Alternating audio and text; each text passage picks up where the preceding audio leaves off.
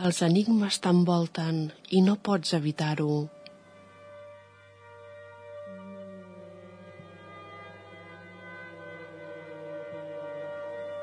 Apropa't allò desconegut. Descobreix allò inexplicable.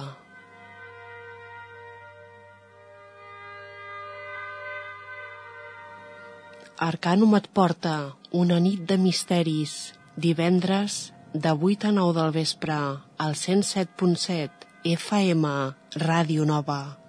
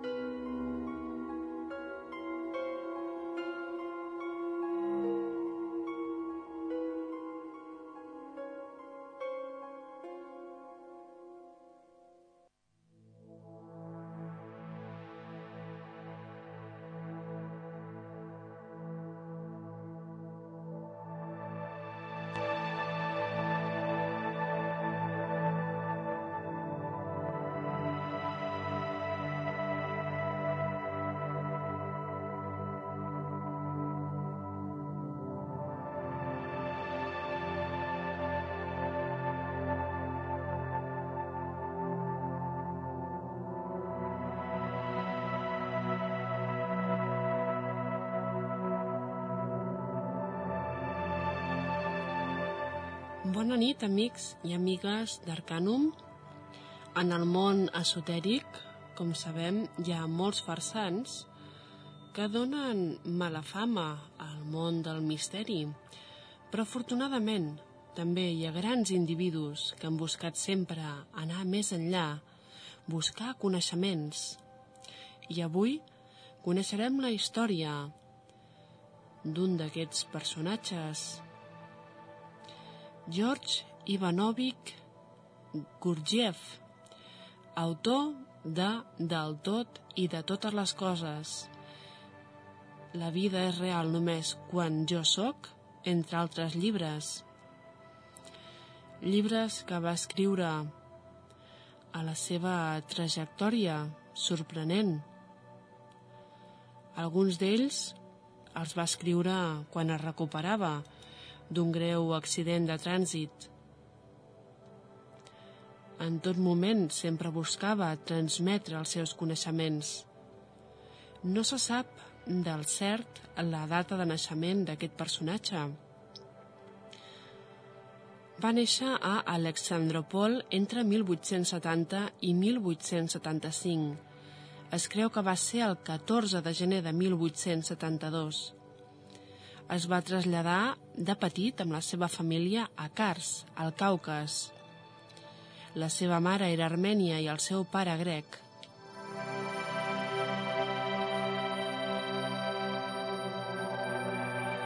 Gurdjieff, des de petit, va tenir les influències de l'ortodoxia grega i l'Església armènia.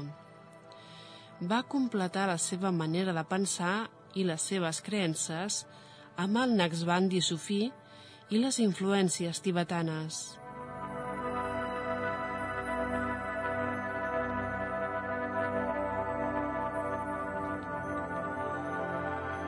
Des de molt jove va demostrar tenir capacitats de mag, tot i que al seu entorn hi va haver gent que va intentar desanimar-lo i orientar-lo de manera que es dediqués a transmetre les tradicions orientals a Occident.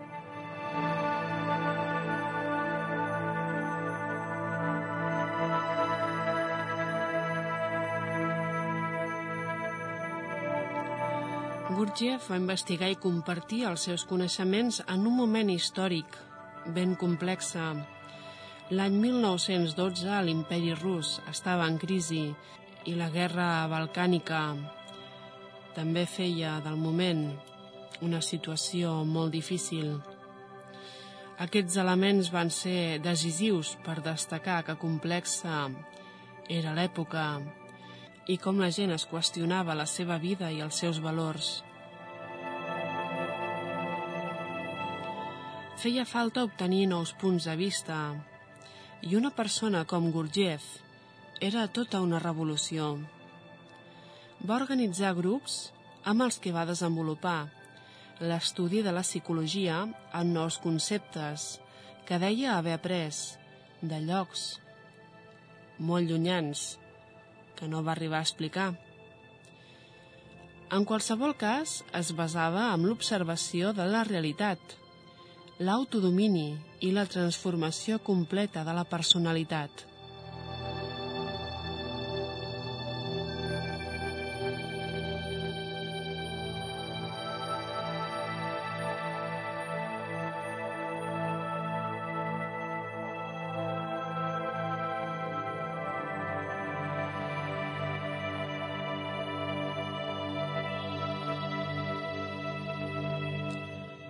1914, P.D. Ouspensky, filòsof, escriptor i periodista, va tornar a Rússia després d'un viatge per l'Orient.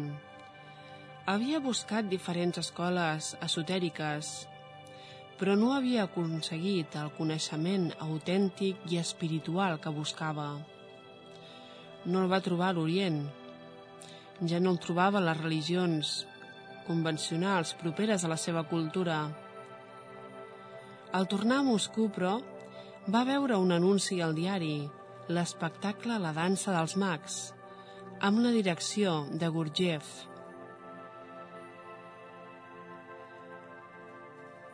Un espectacle curiós en el que s'incluïen els misteris de les creences orientals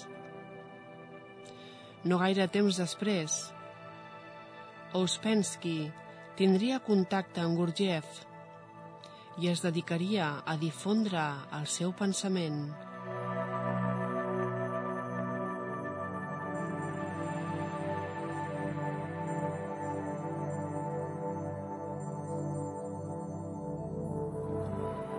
L'any 1916, en plena guerra, en un tren de Sant Petersburg a Moscou, Ouspensky va preguntar-se si no es podien evitar les guerres.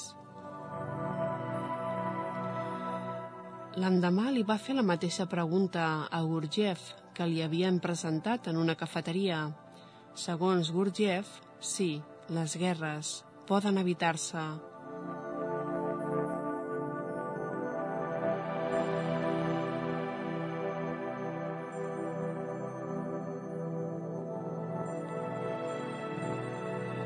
Ouspensky, intrigat per Gurdjieff, el va anar veient un cop a la setmana. Les seves idees i arguments el van sorprendre.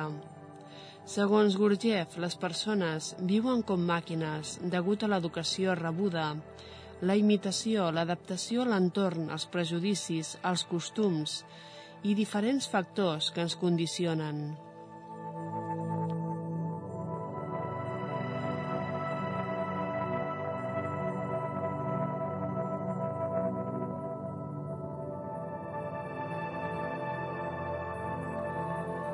Segons Gurdjieff, l'ésser humà viu adormit.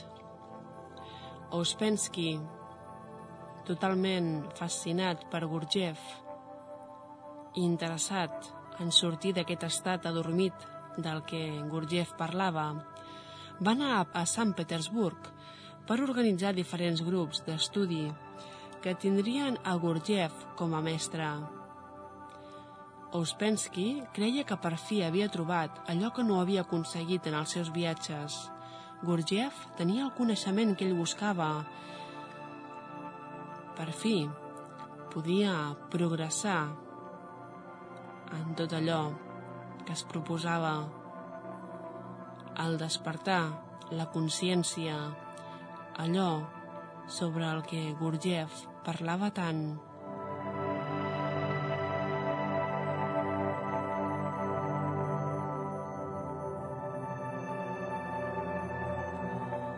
Segons Gurdjieff, la realitat còsmica està formada per diferents nivells dimensionals.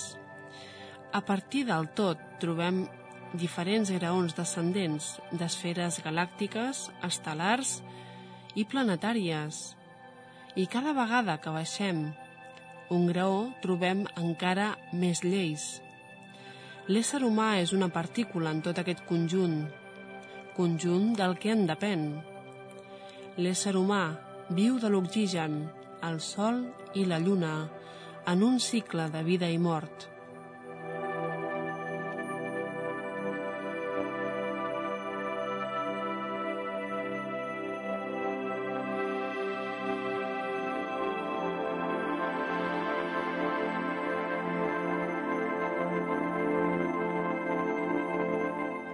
Aquella època marcada per la guerra, els individus van prendre consciència de la seva indefensió i impotència.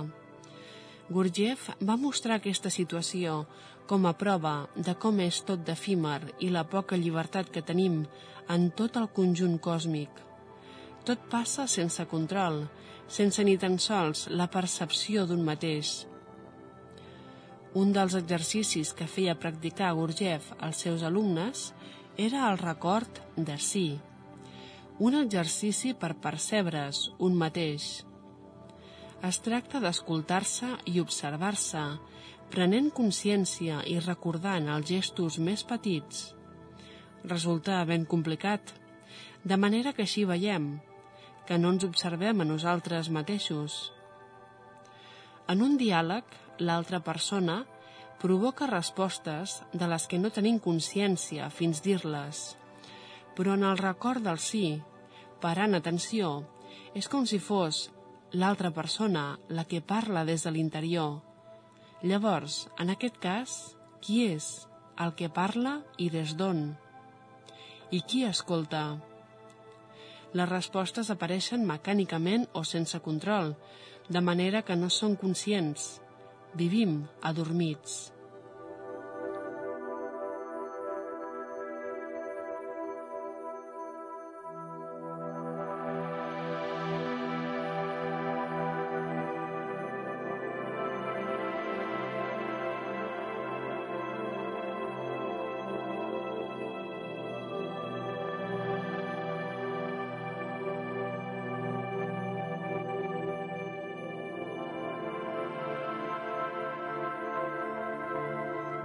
Aquests grups d'estudi, els alumnes aprenien a observar-se a si mateixos i al mateix temps comprendre el seu exterior.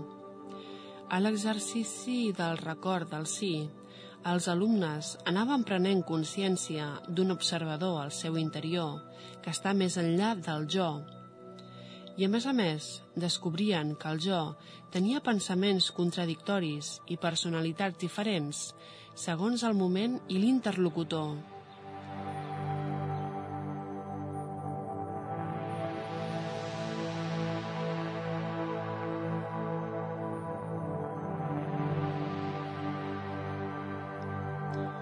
El jo del que els alumnes se sentien segurs no és res més que un món totalment inestable, format de records, influències i tendències, sense cap fonament, segur i real. Molts alumnes van trobar molt intrigant i desagradable aquest descobriment, un pas cap a la bogeria, de manera que molts van abandonar els cursos. Calia lucidesa i força per seguir.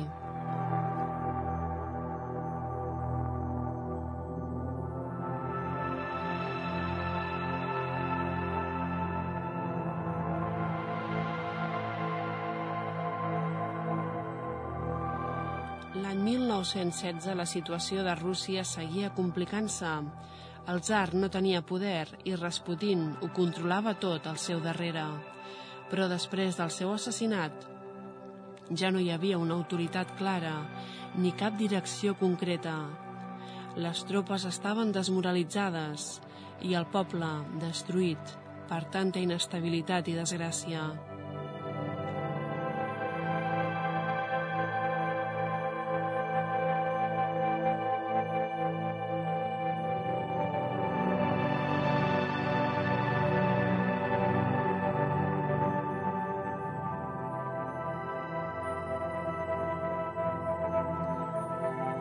Aquells moments, Gurdjieff viatjava amb molta més freqüència entre Moscou i Sant Petersburg. Era una mena de necessitat per transmetre més els seus coneixements. Insistia molt més en el concepte de que estem adormits, de que cal despertar-se. No som res més que persones adormides, relacionant-nos amb altres persones adormides. Tota la història és una gran confusió que es va repetint i no es trencarà aquest cercle viciós fins que almenys unes quantes persones es despertin. En aquest despertar veuríem tot allò que hem adquirit per imitació i pressió social, tot allò que hem acabat creient nostre. La personalitat ha deixat apartada l'essència única de cada ser – en algunes persones l'essència es queda a la infància, en altres casos mor. Així doncs, l'ésser humà és un cos que va seguint ordres externes, ben bé com si fos una màquina.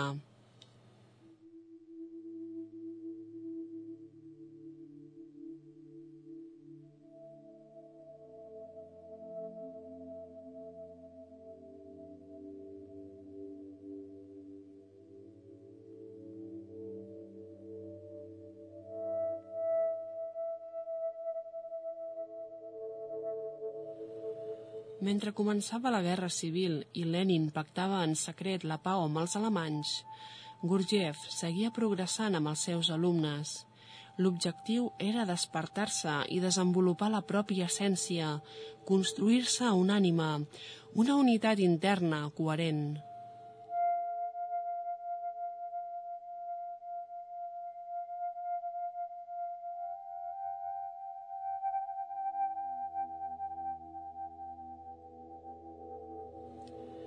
Gurdjieff deia que hi ha vida després de la mort, però que només una ànima edificada pot tenir la possibilitat de sobreviure en memòria de si.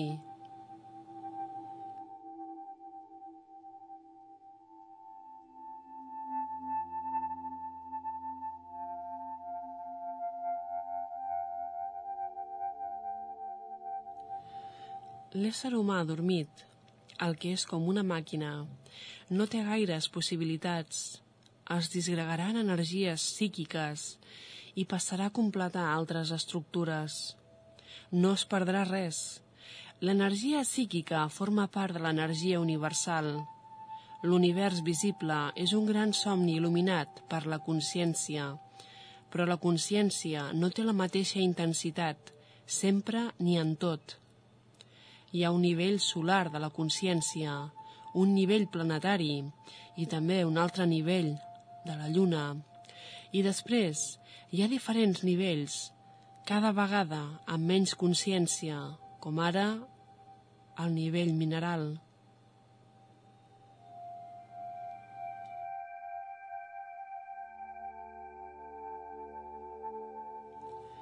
Els cursos de Gurdjieff desenvolupaven la consciència dels seus alumnes. Es desfeien d'hàbits i prejudicis, s'alliberaven de condicionaments, per descobrir la seva essència. Es tracta de despertar-se, perquè sense despertar no seran possibles grans canvis, no serà possible que la humanitat prengui consciència i avanci.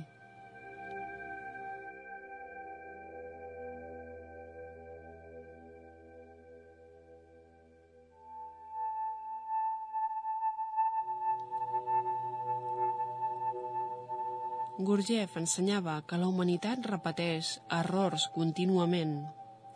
Amb el desenvolupament tecnològic en mans d'homes adormits, l'evolució conscient de la humanitat es troba en perill.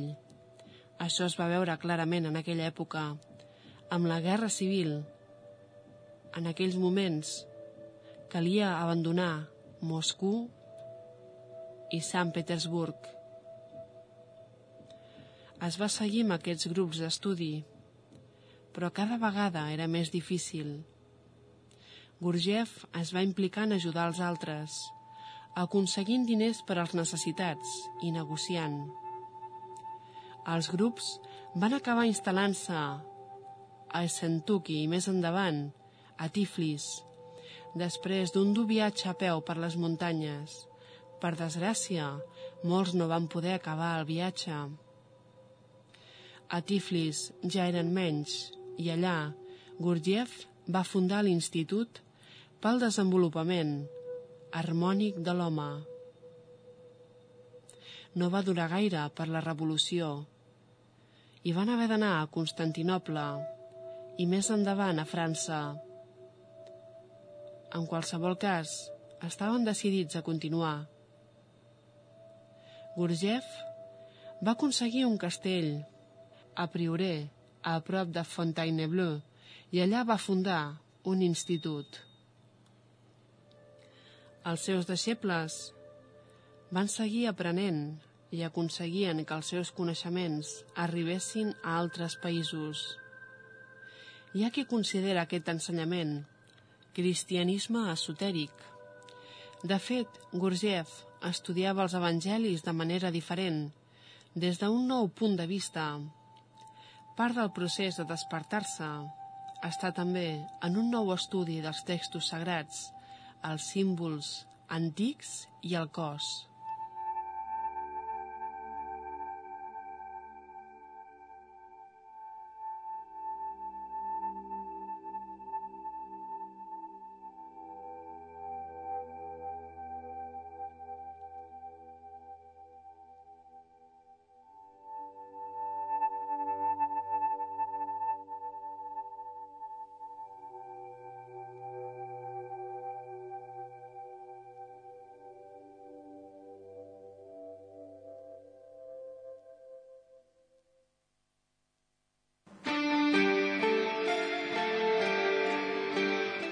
Aquella llum estranya al cel no és Venus, i aquella veu a la foscor no és fruit de la teva imaginació.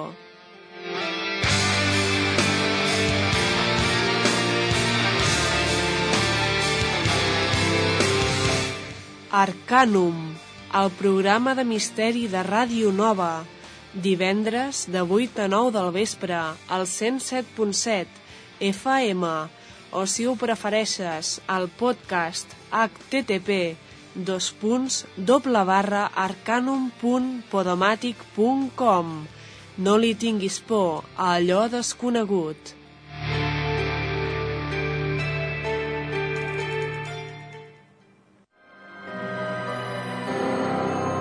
Una casa amb un terrible secret. Un crim sense resoldre. Una cançó que comunica els difunts amb els vius. Una llegenda urbana que es torna real. Contes inquietants de Laura Vivancós, publicat per Ediciones Obliquas. Relats sobrenaturals que et sorprendran.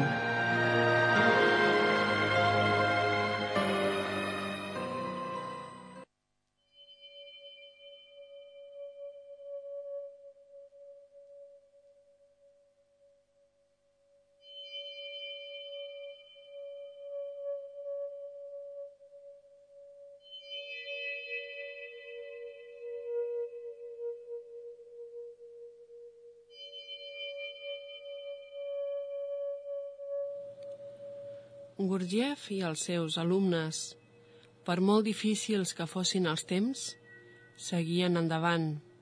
Es feien dir els filòsofs del bosc.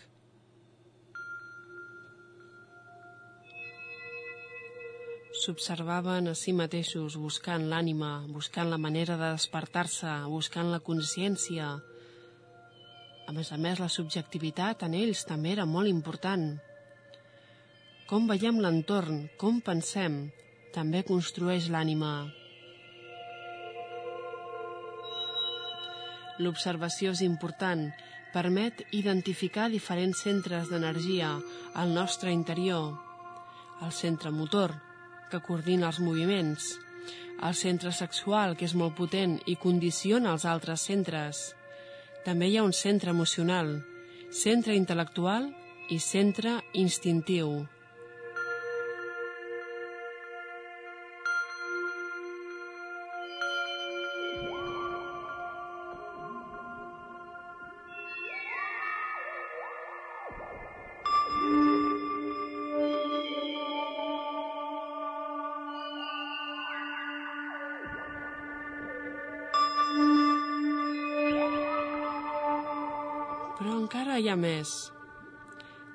Hi ha dos altres centres que estan adormits. El centre emocional superior i el centre intel·lectual superior.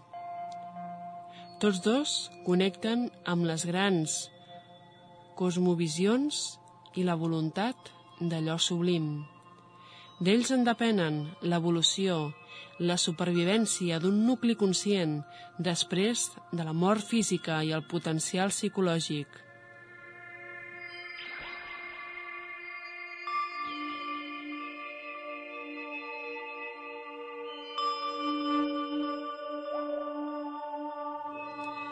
Tot el procés de despertar-se Gurdjieff l'anomenava el quart camí i veritablement és un gran canvi de visió.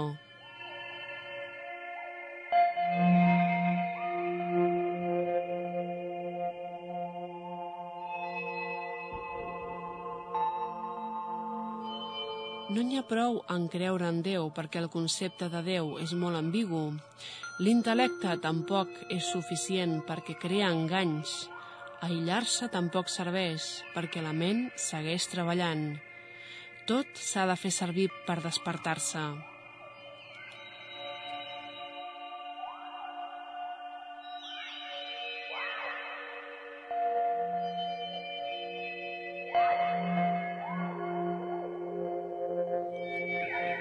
Procés era ben difícil. Alguns alumnes es trobaven fent activitats com netejar lavabos o cavar. L'objectiu era canviar personalitats rígides. Altres alumnes eren pressionats per marxar, com ara el fidel Thomas de Hartmann. Més endavant aquests alumnes van comprendre que allunyar-se era part d'aquest aprenentatge.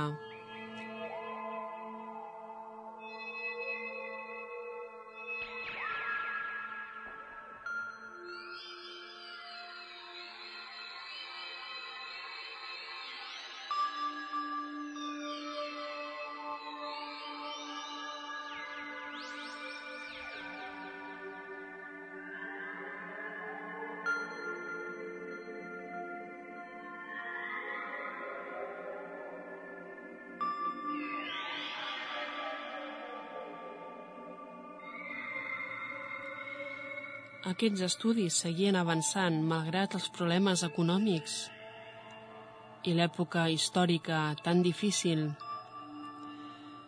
Gurdjieff va perdre el castell, però es va instal·lar en un apartament on va continuar amb les seves classes.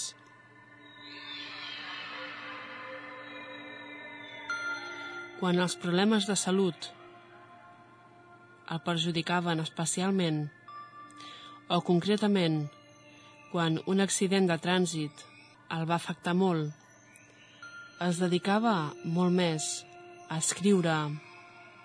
D'aquí van sortir els llibres, que avui dia encara segueix molta gent, moltíssima gent interessada en aquest despertar del que ell parlava.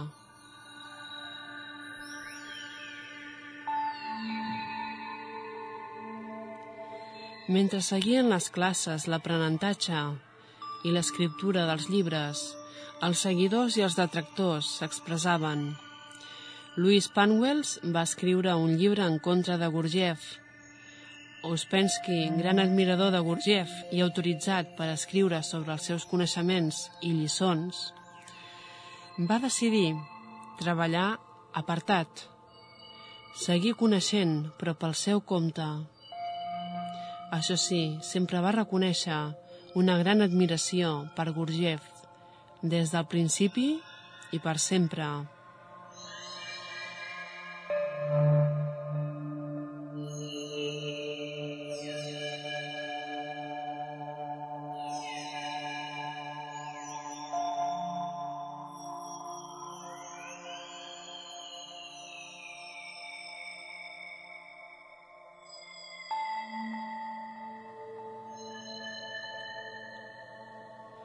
Tot i així, amb admiradors i amb detractors, Gurdjieff seguia endavant.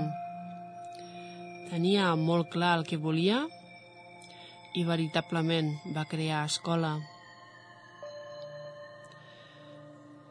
Va morir a París l'any 1949, deixant als seguidors la psicologia com un mètode d'autoconeixement i desenvolupament. Avui dia força gent segueix a Gurdjieff buscant trencar aquest cicle d'errors repetits, amb l'objectiu de despertar, de trobar la seva essència. Veritablement, una autèntica personalitat dins del món esotèric.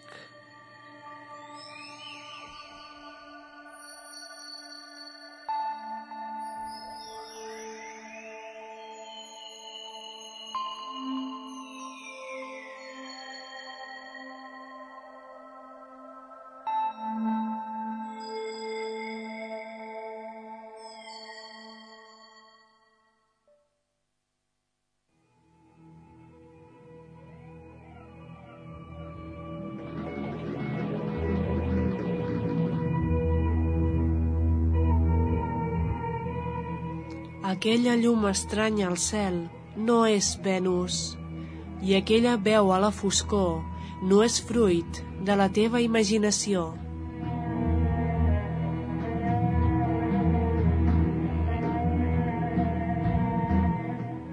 Arcanum, el programa de misteri de Ràdio Nova, divendres de 8 a 9 del vespre, al 107.7 FM.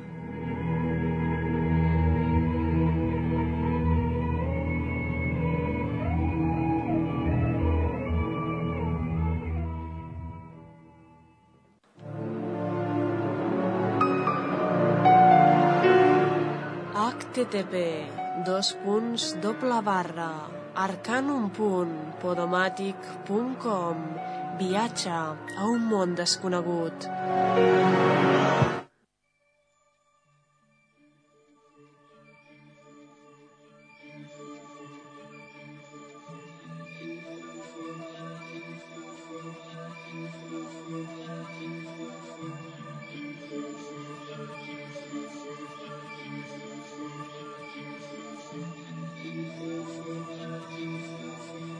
La filla de Gurdjieff, reina d'Àsia, va adquirir molts dels seus coneixements, demostrant molta agilitat mental i també un punt de vista ampli i molt interessant.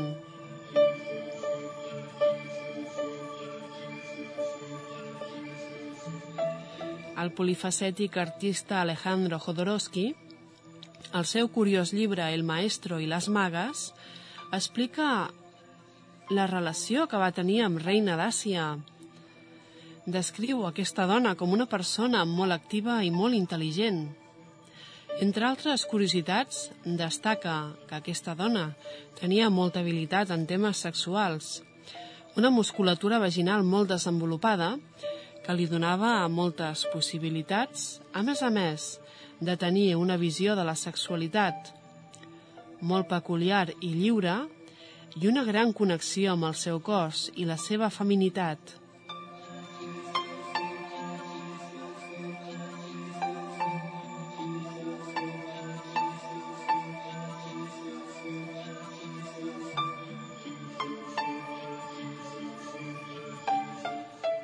Avui dia està bastant extès un article sobre alguns consells que Gurdjieff va donar a la seva filla. Veiem-los.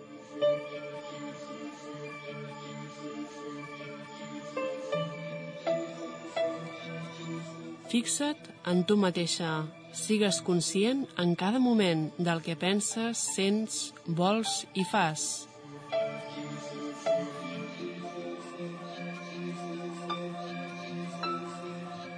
Acaba el que comences.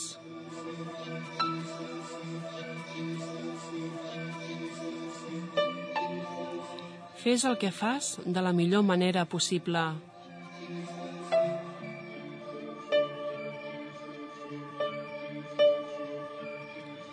No t'encadenis a res que a la llarga et destrueixi.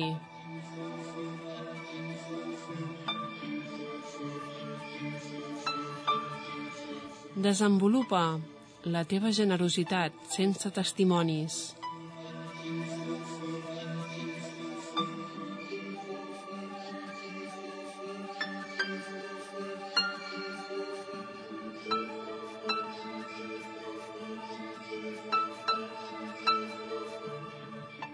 Tracta a cada persona com si fos un familiar proper. Ordena el que has desordenat.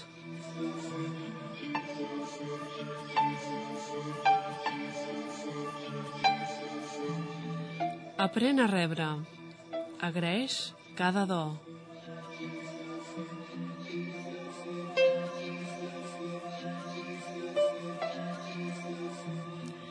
Deixa d'autodefinir-te. No diguis mentides ni robis. Si ho fas, t'estàs mentint i t'estàs robant a tu mateixa.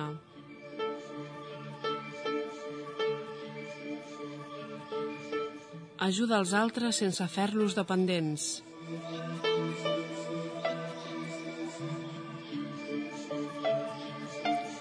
No desitgis ser imitada.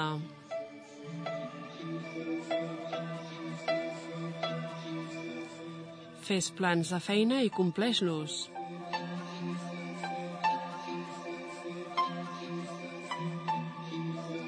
No ocupis massa espai.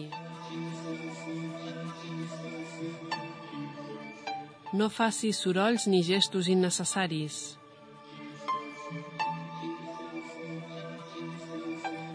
Si no tens fe, imita la fe.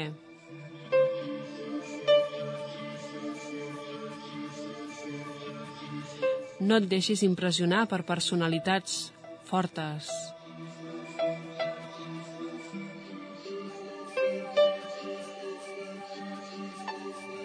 No t'apropis de res ni de ningú.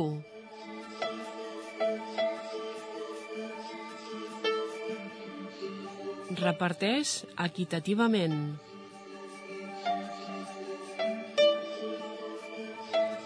No sedueixis.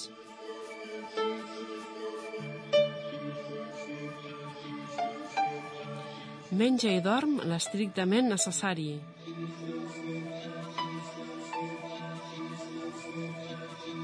No parlis dels teus problemes personals.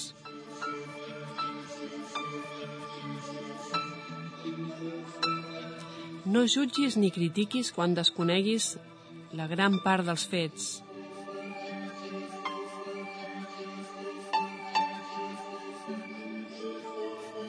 No facis amistats inútils.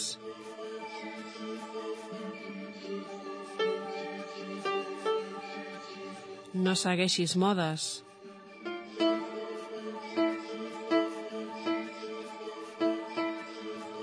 No et venguis.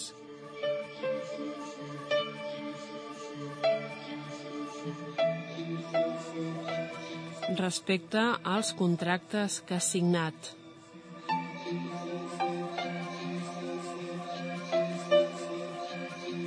Sigues puntual.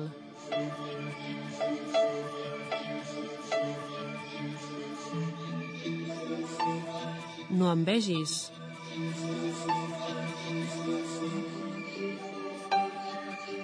Parla només el necessari.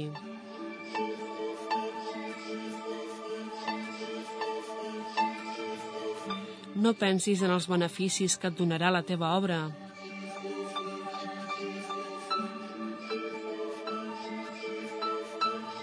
Mai amenacis.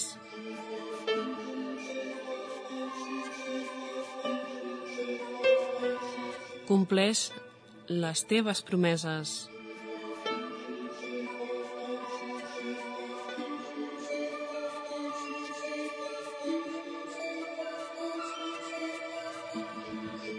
En una discussió, posa't en el lloc de l'altre.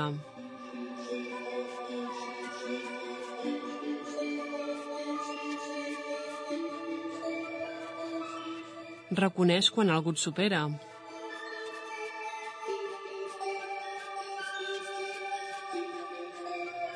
No eliminis, transforma.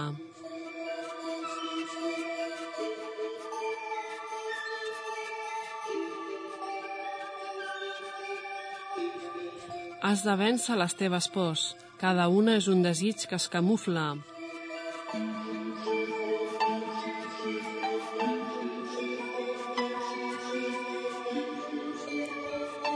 Ajuda els altres a ajudar-se a ells mateixos.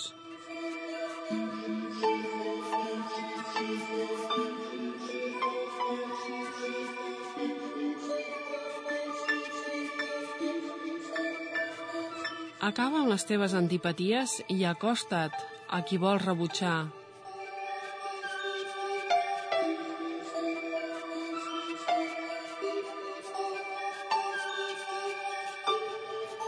No actuïs per reacció al que diguin de tu, sigui bo o dolent.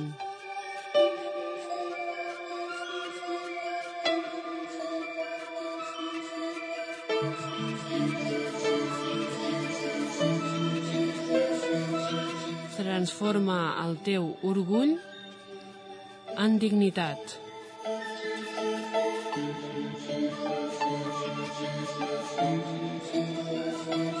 Transforma la teva còlera en creativitat.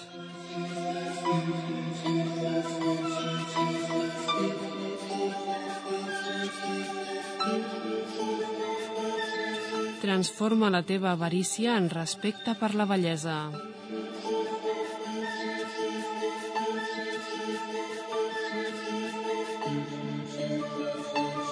Transforma la teva enveja en admiració pels valors a l'altre.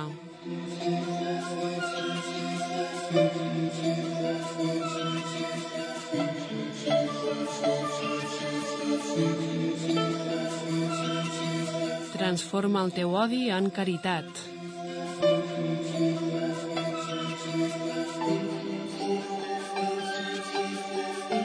No alabis ni insultis.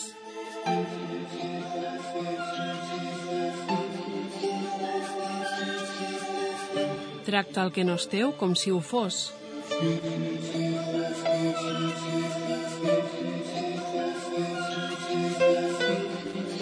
No et queixis.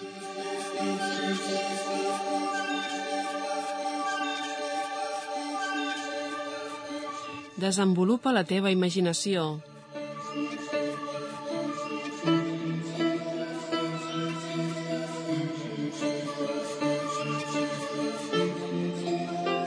No donis ordres pel sol plaer de que t'obeeixin.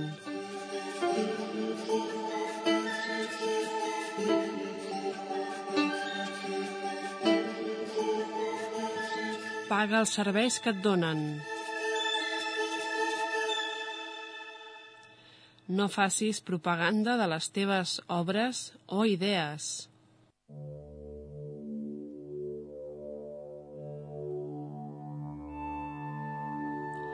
No intentis despertar en els altres emocions cap a tu com ara pietat o simpatia.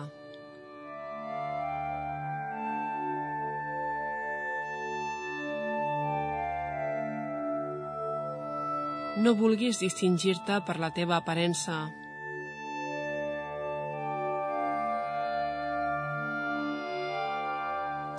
Mai contradiguis, només calla.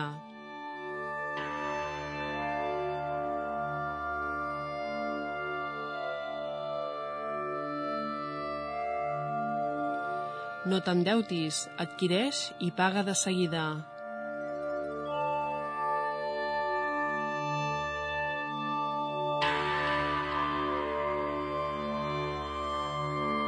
Si ofens algú, demana-li perdó.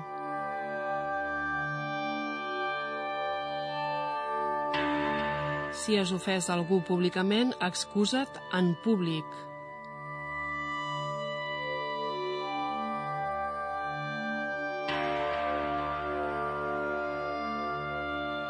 Si te n'adones d'un error teu, no insisteixis per orgull en aquest error.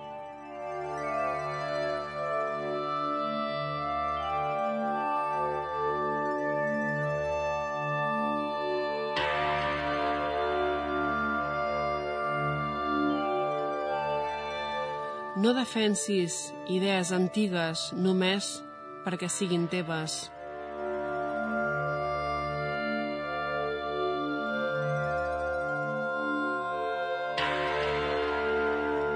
No conservis objectes inútils.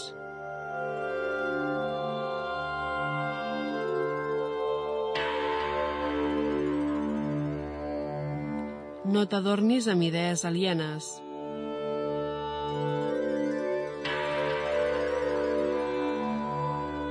No et facis fotos amb personatges famosos.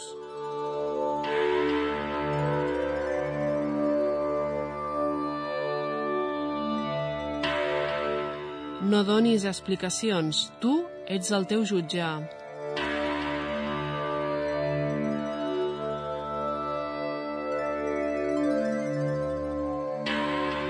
Mai et defineixis pel que tens.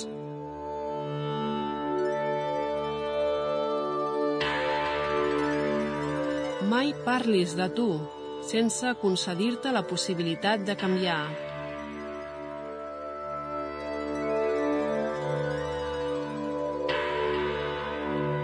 Accepta que res és teu.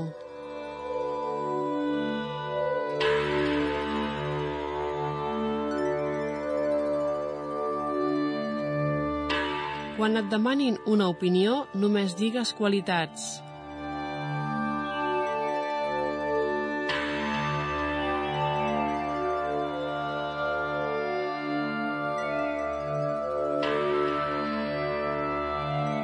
Cas de problemes de salut, no odis la teva malaltia, considera-la la teva mestra.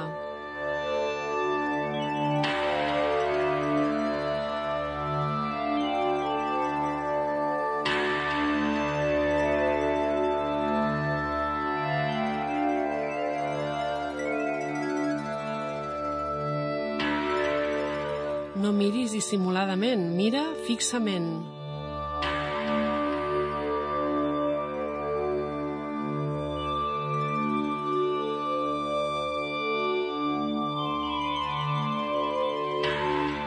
Oblidis els teus morts, però no deixis que ocupin la teva vida i els teus pensaments.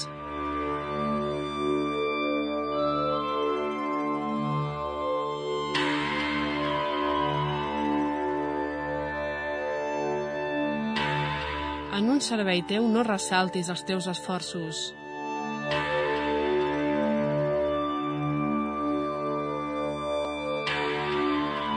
Si decideixes treballar per altres, fes-ho amb plaer.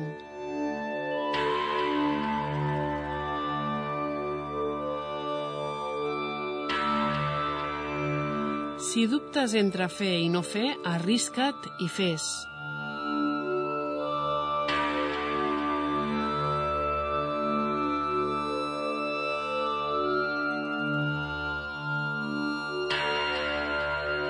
Intenta no ser-ho tot per la teva parella. Admet que busqui en altres el que tu no puguis donar-li.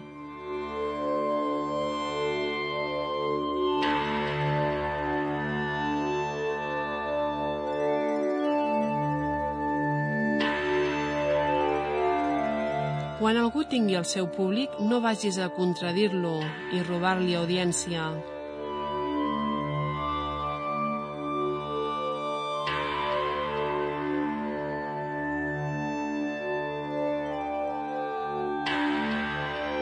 Viu de diners guanyats per tu.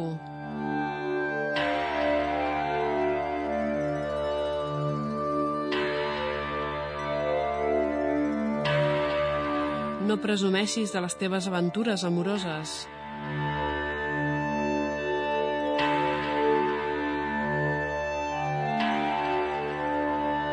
no presumeixis de les teves debilitats.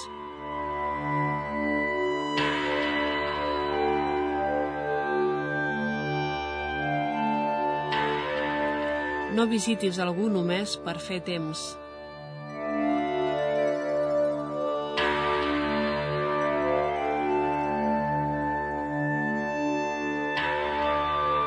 Obté per repartir.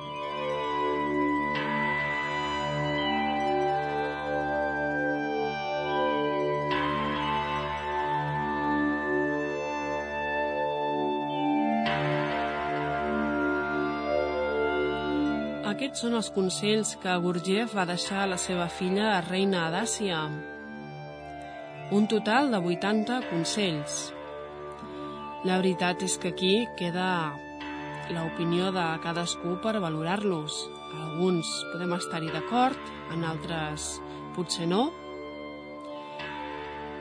A vegades també és molt relatiu, depèn de la situació en la que es trobi cada persona, que li convé seguir un consell o un altre, però en qualsevol cas són consells que a la seva gran majoria tenen valors molt interessants i molt importants, com ara la responsabilitat o la humilitat. Alguns d'aquests consells són, a més a més, molt pràctics i altres són molt ètics. En qualsevol cas, us serveixin o no, en feu servir uns quants o tots els consells d'aquesta llista, s'ha de dir que són ben interessants i que et fan pensar. Fins aquí el programa d'aquesta nit. Acabem amb aquells consells que Gurdjieff va deixar a la seva filla i espero que ens trobem en el proper programa com sempre, moltes gràcies i que tingueu una molt bona nit.